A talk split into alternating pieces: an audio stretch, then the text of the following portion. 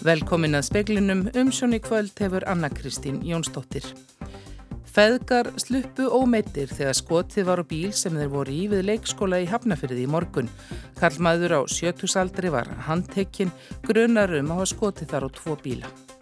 Forsættisráð þeirra förðar sig á því að aðeins þrjár umsóknir hafi borist um stöðu dómara við mannrettindadómstól Evrópu og vonar að fleiri umsóknir berist um stöðuna þegar auglist er að nýju.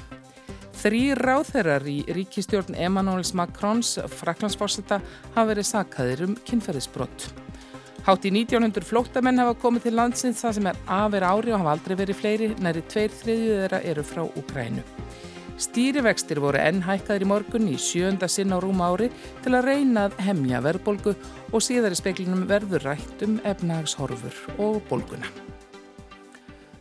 Maður og ungur sonur hans voru inni í öðrum af tveimu bílum sem skoti var á í Hafnafyrði í morgun. Málið er ansaka sem tilraun til mandráps en íbúið með grendinu var brugðið eftir atbyrðina. Skotið var úr íbúð í miðvangi og maður á sjötugsaldri var handtekinn í hádeginu þegar hann kom loks út úr íbúð sinni. Hann hafði þá átt í samningaviðraðum við lögraglu og sérsveitamenn sem voru með mikinn viðbúnað utan við húsið í nokkuð tíma. Hann býður yfirheyslu og gera maður ráð fyrir að farið verði fram á gæsluvarðald yfir honum í fyrramálið. Þetta er mjög óþægilegt. Bara, maður ágjötu vona svona segir Berglind Bjarnei Áskirstóttir í búi í miðvangi. Hún segir óvissuna hafi verið erfiða frá því hún heyrði af árásinni í fréttum og þar til greint var frá því að árásamadurinn hefði verið handtekinn. Í millitíðinni var íbúum bannað að fara út. Maður er óhugrökkur og veit ekkert. En ég fegin, ég fór svo aftur út á svalið þegar ég heyrði að væri búið að yfirbúa mannin. Sigurlegu Jakobínu Vilhelmsdóttur, nágranna Berglindar, var líka brögðið. Við erum hérna stödd við, við hérna leikskóla og hann skýtur í áttina að leikskólanum. Og, og já, manni verði virkilega brögðið við það. En ég vona svo sannlega að þessi maður fái hjálp. Því hann það, það er svo virkilega á því að halda. Lögreglan beinir því til fólks sem líður illa vegna atbyrðana í morgun að hafa samband við Rauðakrossin í síma 1717. Ástallín Magnúsdóttir tók saman. Forsættisráðanitið hefur auglist eftir tveimur dómarefnum til að taka við stöðu Íslensk dómara við mannreitninda domstól Evrópu. Kjósa átti um nýjan dómara í þessari viku á þingi Evrópuráðsins en tveir umsækjendur af þremur dróðu umsók sína tilbaka í síðustu viku. Katrín Jakobsdóttir forsættisráð þeirra vonar að umsóknir berist um stöðuna nú. Aðeins þrýr sóttu um þegar Embætti var auglist í vetur en Ísland þarf að skila einn lista með þremur tilnefningum til að umsóknin teljist gild. Ég var auðvitað aðeins hitta að það bárust engungu þrjáru umsóknir síðast. Uh, raunar var það þannig líka uh, þar áður þegar auglist var eftir tilnefningum í þetta embætti þá bárust líka bara þrjáru umsóknir. Hæstarétta lögmennir Jónas Þór Guðmundsson og Stefán Geir Þórisson dróðu umsóknir sínar tilbaka eftir að það farið á fund mannrættinda domstólsins þann 7. júni og áðurinn valnemt hafði tekið endanlega ákverðin. Otni Mjöll Arnardóttir, landsrættadómari, sótti einnig um stöðuna og hún heldur sæti sína á listanum. Katrín fekk upplýsingar í síðustu viku um að umsóknirnar tvær hefðu verið dregnar tilbaka. Ég geti raun og verið ekki stjáðið um það en það eru þau samskipti bara milli uh, þeirra og uh, eh. Kjörtímanbili Róbert Spano, núverandi dómara Íslands við domstólinn, líkur í lok oktober.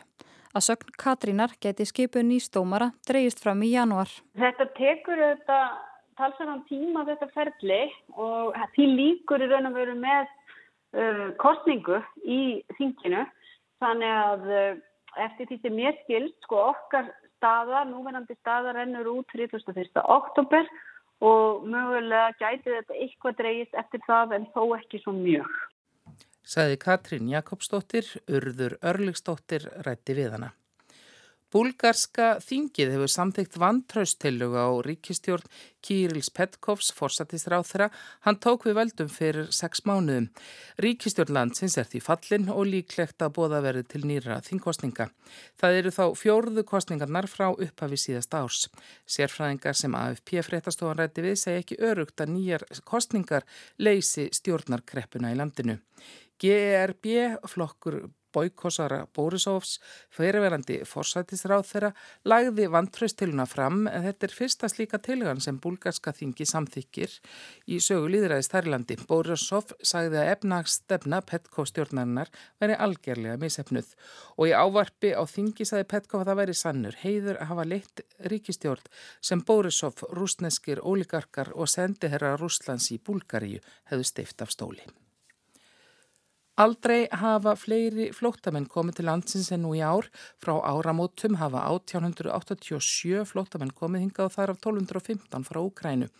Gilvi Þór Þorsteinsson aðgerastjóri vegna komu flóttamanna þaðan segist ega von á að flóttamennum fjölgi enn með hustinu. Á hverjum degi koma nú 6-8 flóttamenn til landsins en búast má við að svo tala færi hækandi þegar líður á haustið. Gilvi segir að velgangi að útvöða fólkinu vinnu rétti við 300 manns hafi fengið atvinnu í gegnum vinnumálastonnun og einhverjir fundið vinnu sjálfur. Er verið að sé að finna húsnaði. Skamtíma úrræði útlendingastofnunar eru þjætt setin og hortir út fyrir borgamörkin. Það sem hefur kannski verið að stríða okkur er það að það er náttúrulega skortur á leiguhúsnaði og þar randi er eh, fólk kannski lengur í þessum skamtíma úrræðum heldur en við vorum að vonast eftir. Og ástæðin fyrir því að, að fólk er lengur en náttúrulega bæði það að það er skortur á leiguhúsnaði á landinu öllu sem og eh, leiguverð er tiltöla hátt á Íslandi. Og því reynist fólki erfiðara að fara úr skamtíma húsnaðin okkar heldur en við eh, vorum að vonast eftir. Ströymir flótamann til landsins hefur aldrei verið þingri. Gilvi heldur að þegar mest var hafi tala flótamanna verið í kringum 11 eða 1200 yfir heilt ár. Við sjáum það að með þessu áframhaldi þá, þá muni flótamannströyminu til Íslands á þessu ári uh, hugsalega nálgast 3000 og við þurfum að miða okkar viðbráð við það að, að við getum tekið á móti slíkum fjölda saði Gilvið Þór Þorsteinsson, Rebekka Líf Ingadóttir talaði við hann. Ráð þeirra þróunar aðstóðar og alþjóðarsamstars í ríkistjórn Emanuels Macrons, Fraklandsforsetta, hefur verið sakaður um kynferðisbrott. Franskir saksóknarar sögðust í dag rannsaka tvær ásakanir. Krisúla Sakarópólu er undir ráð þeirra í utanríkisráðuneytunum og tók sæti í nýri ríkistjórn í síðasta mánuði. Hún var áður Evrópuþingmaður í flokki Forsetans. Hún er kvennsjúkdómafræðingur og starfaði sem læknir áður en hún settist á Evrópuþingið. Saksóknurum var tilkynntum fyrri ásökunina í lok mæ og þá síðari á fymtudaginn var. Brotin eða bæði að hafa beinst gegn skjólstæðingum Sakropólu þegar hún starfaði sem læknir. Heilbliði stofnunin sem hún starfaði ásæðist í svari við fyrirspurn AFP ekki hafa vitað af neinum myndum brotum. Sakharupólu er þriðji ráðherran í ríkistjórn Macrons sem sagaður er um kynferðisbrott. Damien Abad, ráðherra í málefnum Fallara, var sagaður um nögun í síðasta mánuði en saksóknarar segjast ekki hafa það mál til rannsóknar. Þá var Sjörald Darmanan innríkisráðherra sagaður um kynferðisbrott árið 2017. Hann hefur allatíð neitað sök og saksóknarar mæltu með því í janúar að máliðirði felt niður. Þórgnýr Einar Albertsson saði frá. Bæjarfulltrúi meiri hlutans í bæjarstjórn Akureyra-bæjar segir að kostnaður af launum áhernarfulltrúa í nefndum og ráðum bæjarins sé of hár. Laun þeirra voru 100 miljónir króna á síðasta kjörtímubili. Á fundi bæjarstjórnar í gær bendi Linur Jóhansson bæjarfulltrúi miðflokksins á kostnaðinn og velti fyrir sér hvort réttmatt væri að áhernarfulltrúar fengju greitt fyrir fundasetu. Tveir áhernarfulltrúar er í hverri nefnd og ráði bæjarins. Þeir eru fulltrúar minni hlutans og hafa ekki atkvæðisrétt. Eins og síðan tvö ár höfum við bara verið að draga mikið saman og spara hér og þar. Þá finnst mér ekkert úr vegi að ræða svona mál, svo getur vel við komast að hér í nýðustu að, að við viljum hafa þetta svona áfram og þá er það bara þannig. Hlínur kom inn í minni hlutabæjastjórnar fyrir fjórum árum og var þá áherna fulltrúi í nefndum. En hefur þeirra mætt á fundina ef að þú hefur ekki mikið greitt fyrir það? Það er kannski erfitt að auðvitað að segja já ég hefði gert það. En maður veit ekki hvernig það hefði þróast. Sunnarlín Jóhannsdóttir, fulltrúi framsóknarflokks í minni hlutabæjastjórnar, er ekki sammála hlinni. Og mér langar kannski bara að tengja þetta við umræðu um mikla endun í, bæjastjórn hjá fólki sem situr í nefndum að ef að þú ætlar að setja þig vel inn í mál, bæjabúum til heila, þá er það erfitt að gera þetta ofan á 100% starf. Sunna segir að mikilvægt sé fyrir líðræðið að allir flokkar eigi fulltrúi nefndum til að koma með tillögur og ræða mál þó þeir hafa ekki atkvæðisrétt. Vinnuframlaði sé þið sama. Þannig ég tel bara mjög mikilvægt að allir flokkar eigi sinn fulltrúa inn í nefndum og getur synt þessu almennilega til að vera inn í málum. Sagði Sunna Hlín Jóhannsdóttir, Anna Þorbjörg Jónasdóttir talaði við hanna og Hlín Jóhansson. Sæðlabankin hækkaði stýrivext í morgunum 1% stig þegar standa nú í 4,75%. Skilja má af yfirlýsingu peningastefnin nefndarinnar að þeir geti hækkað enn. Ásker Jónsson, Sæðlabankastjóri, var afdráttalauðs í ádægisfréttum. Við förum í sátum sem við þurfum. Já, eins hátt og þarf til að hemja verðbólguna sem mæltist 7,6% í mæ en verðbólgu markmið Sæðlabankans er 2,5% verðbólga yfir 12 mánuða tímabil. Viljálmur Birgisson, formaður starfsgreinasambandsins, vitnaði til þess í sama fréttímaðar í hátteginu að fyrir lífskjara samningin þá voru stýrivextinir 4,25% þeir lækkuðu í 0,75% og eru nú eins og aðursæði 4,75% svo fórt sem við lögðum fram í síðustu samningum, hún er öll farin og meira til.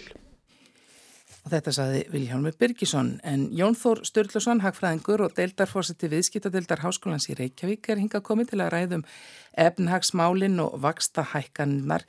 Já, þannig bara, það maður eiginlega spyrja þig, já verða vextinir hækkaðir enni, það var eiginlega næstu því lofað. Ég það má svona frekar búastu því heldur en, heldur en hinnu.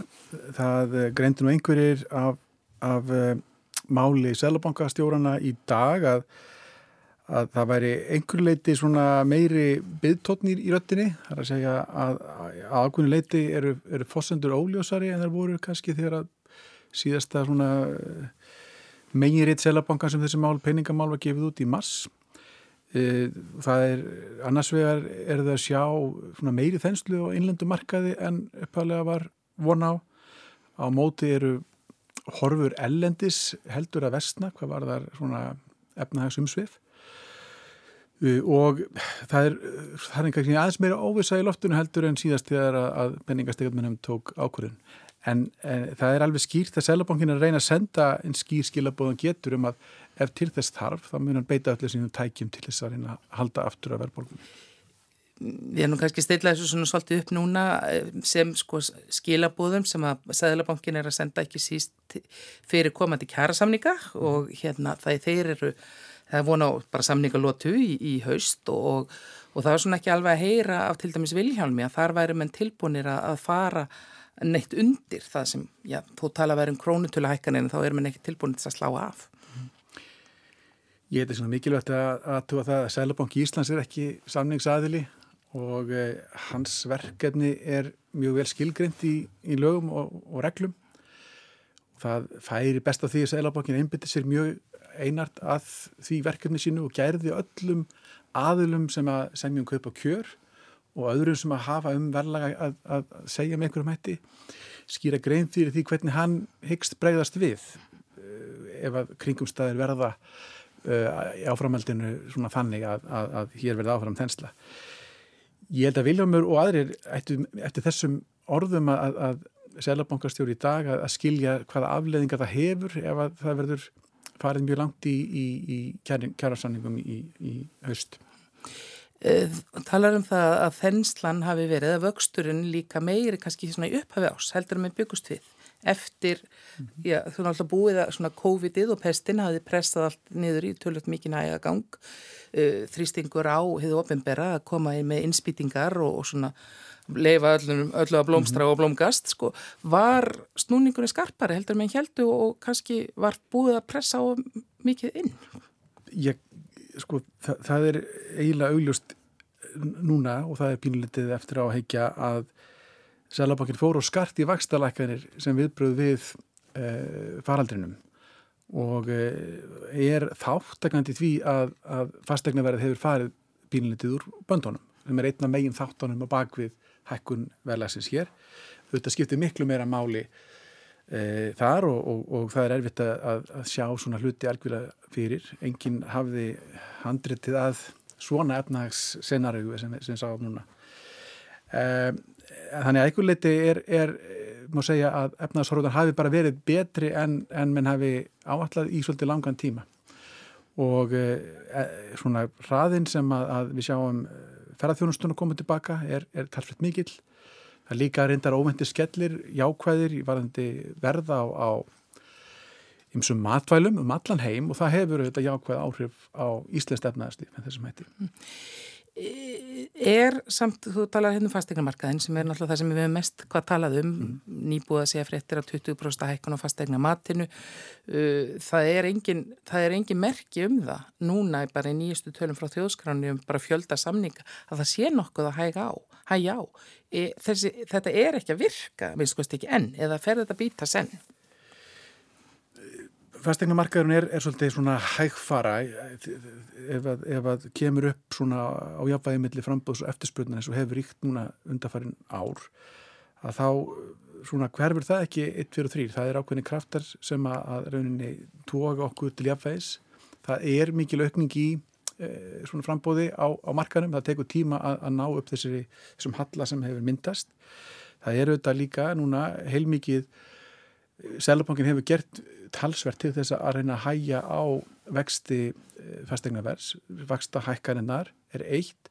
Það líka verið að herða skýrði í lántökum einstaklinga. Núna síðast var eh, veðsetningar hlutfall fyrir þá sem er að kaupa íbúð í fyrsta skipti. Eh, rauninni hámark þess var, var lækkað sem að mun draga einhver leiti úr eftirspurn eftir húsnæði.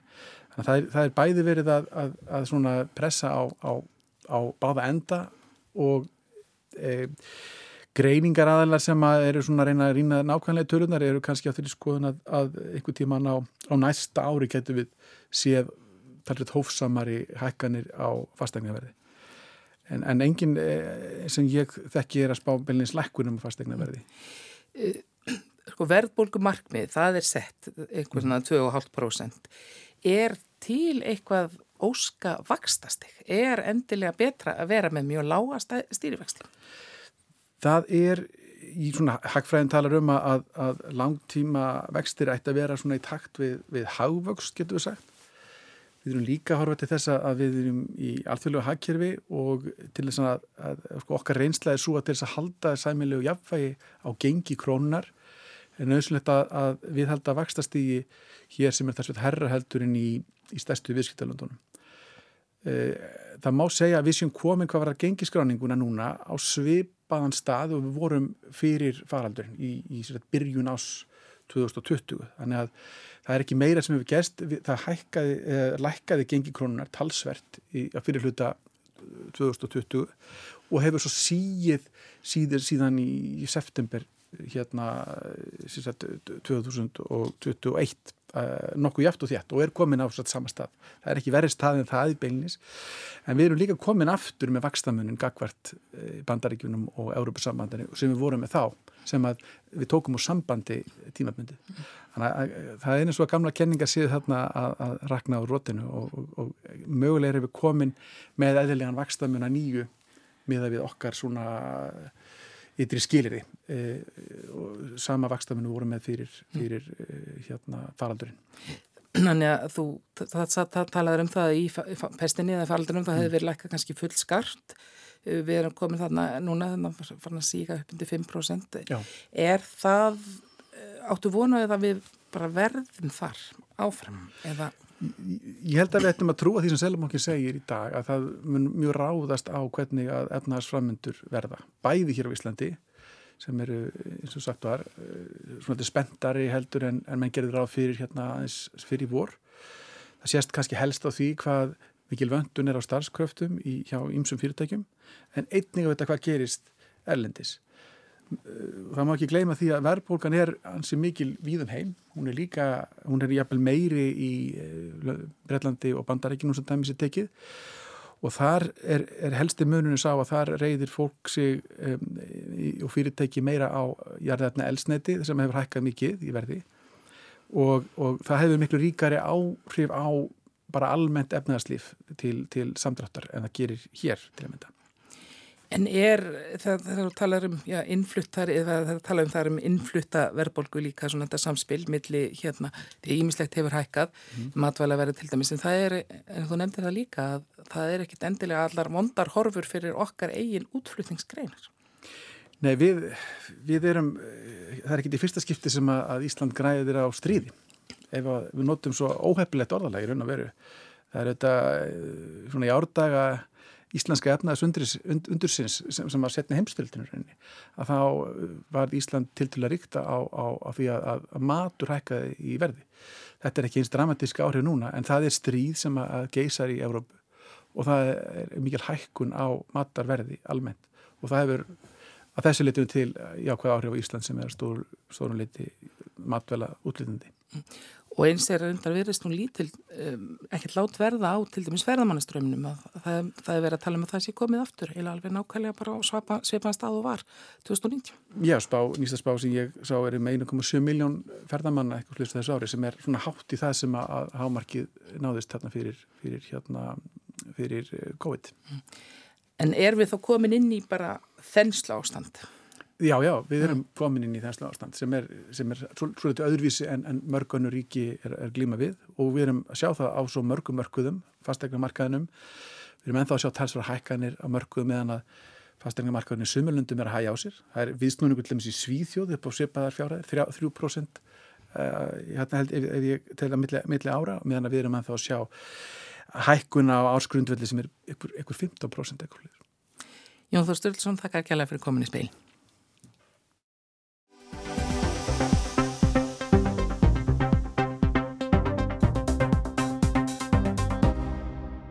Sumarið er komið. Dagurinn neytar að taka enda og fagur bláar breyður lúpínunar blasa við svo gott sem allstæðar. Þær blómabreiður eru þó fjarrið því að vera óumdeildar. Umræður um þessa harðgeru innfluttu plöntu eiga það til að vera nokkuð heitar, jáfnvel tilfinningaþrungnar.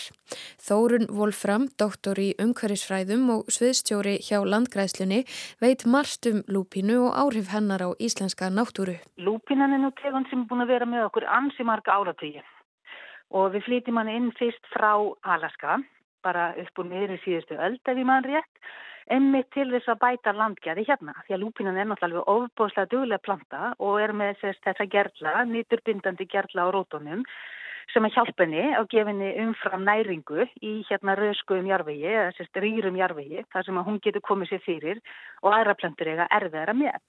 Þessir eiginleikar lúpinnar gera það að verkum að hún getur nýtt svo gott sem óræktanlegan jarðveg og gert hann mun frjóri. Hún bindur netur og um leið nýtanlegan fosfór við jarðveginn og auðgar hann af næringarefnum sem auðveldar öðrum plöntum að sá sér og vaksa og dafna þar seitna meir. Það var ástæða þess að ráðist var í áttak í sáningu lúpinu víða í íslenskri náttúru seint á nýjunda áratögnum.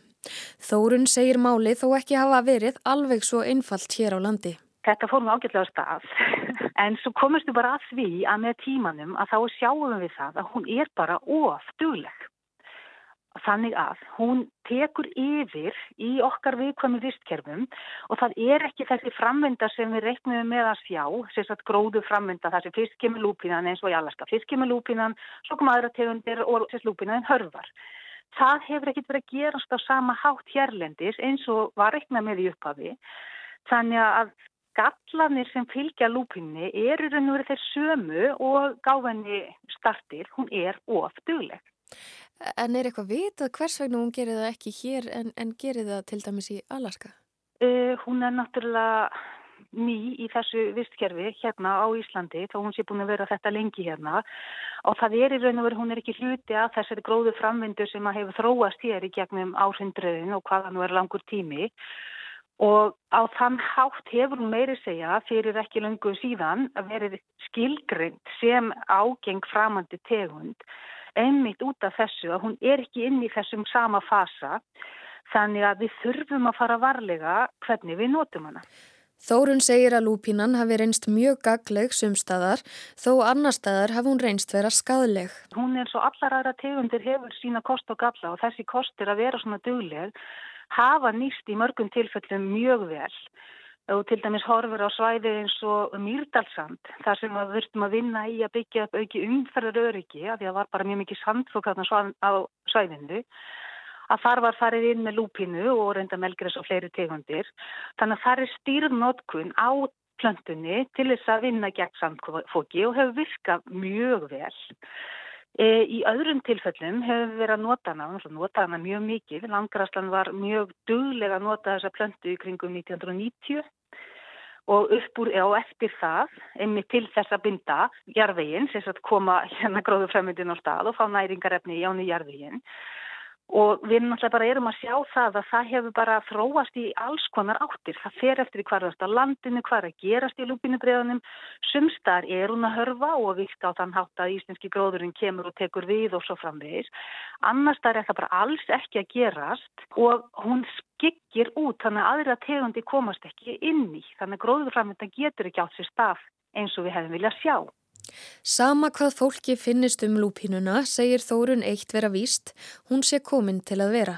Hver lúpínuplanta, fullorðin, getur framleitt alltaf 2500 fræja ári og ef þú mannst eftir þú veist eins og hvernig hún er á haustin þá er belginni koma með fræbelginnir, ja. þá opnast þeir sko með tvelli og hún spýtir þeim frá sér.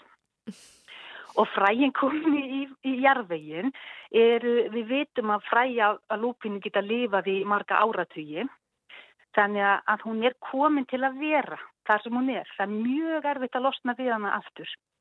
En það er hægt að stýra þessu líka með því til dæmi segjum og alltaf að koma upp einhverju svæði með hvort sem það er byrkiskóur eða annarskóur. Þú getur nota lúpin til að hjálpa en þá veist að þú ert að fá annað kerfi heldur en að náttúrumyndi vilja gera það sjálf.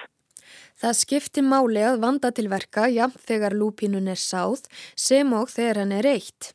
Aðferðir í kringum lúpínuna hafa á köplum verið jafn öfgakjandar og umræðan. Landgræðsla ríkisins lagðist gert í tilraunir með ílgrisiseiðin Roundup til þess að stemma stegu við útbreyslu lúpínunar í þósmörk á árunum 2007 til 2009. Vegagerðin og Reykjavíkuborg notuðu líka eitrið allt til ásins 2016 meðal annars til að eigða lúpínu. Sú aðferð var mishefnuð en það dögði eitrið takmarkað á lúpínuna þó það eitti öðrum gróðri. Öllu verra er að efnið hefur reynst vera krabbameinsvaldandi og ekki brotna niður í náttúrunni líkt og fyrirvar talið. Þórun segir slíkar aðferðir á undanhaldi. Sem betur sér þetta nú ykkur leifinningar sem eru úreltar og ég hef ekki heilt af þeim í, í, í talsvöld langan tíma. Af því að sko ég myndi ekki mæla með við neitt að nota rándu bara í náttúruna almennt. Ef fólk villir henni haldið mjög skefjum að því hún er aftur, hún er svo dúleg og hún er nú þegar komin svo með útbreyslu yfir 300 ferrkilometra held ég hafi verið í rannsóknu náttúrulega 2017 og það mun halda áfram alveg sama þó við sem hægt að nota hana ofinverlega eins og langraslan bara því að við erum búin að teljum okkur vera búin að setja hana á þau svæðir sem að þurft að gera á sínum tíma og viljum ekki auka útbreysluna umfram þar sem ég er og erum frekar að reyna að hemjana að því að við viljum ekki fá hana inn á viðkvæmsvæði meira heldur en nú þegar er orðið. En hún er komin svo víða að veldisvöxtur á mörgum stöðum er bara í byllandi gangi. Það verður erfitt að ráða við það. En þeir sem vilja reyna að ráða við hana það er helst að hérna slá hana og þá á þessum tíma. Eða það er hægt að líka en það er ekki samt auðvelt heldur að því að hún er aftur svo dugleg að þá hefur hún hérna alkoholíða, hún er með beiskjöfni Þannig að til dæmis ef þú dýr býta bara lúpínu þá verður það veik. Þannig að það er ekki hægt að beita hana heldur nema mjög snemma vorin. Þá hérna virkar það vel. Hún segir að of mikill asi eigi það til að engkjöna lausnir okkar á vandamálum sem takar náttúrana lengri tíma að vinna bug á. Fljótfærni geti reynst náttúrunni skadaleg.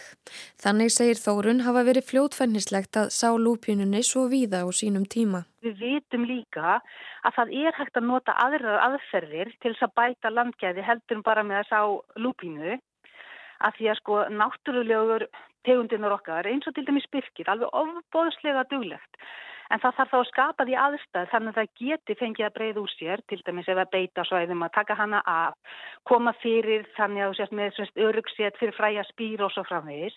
Þetta tekur bara eins lengri tíma en þetta er svona teint í mínum huga allavega þessu sem er svolítið stert í okkur Íslandingu. Við ætlum svona drífa hlutina af og bara rettum þessu og tökum áttak og bara komum lúpinu allstar og málið er leist. Það virkar ekki svo leis.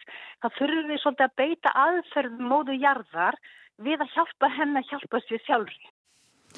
Og það verður vestanátt 5-13 og skúrir síðst í fyrstu en annars norðlega átt og ryggning fyrir norðan, hitti 4-15 steg hlýjast á Suðausturlandi. Fleiri er ekki speklinum í kvöld, tæknimaður var Magnús Magnússon, verið sæl.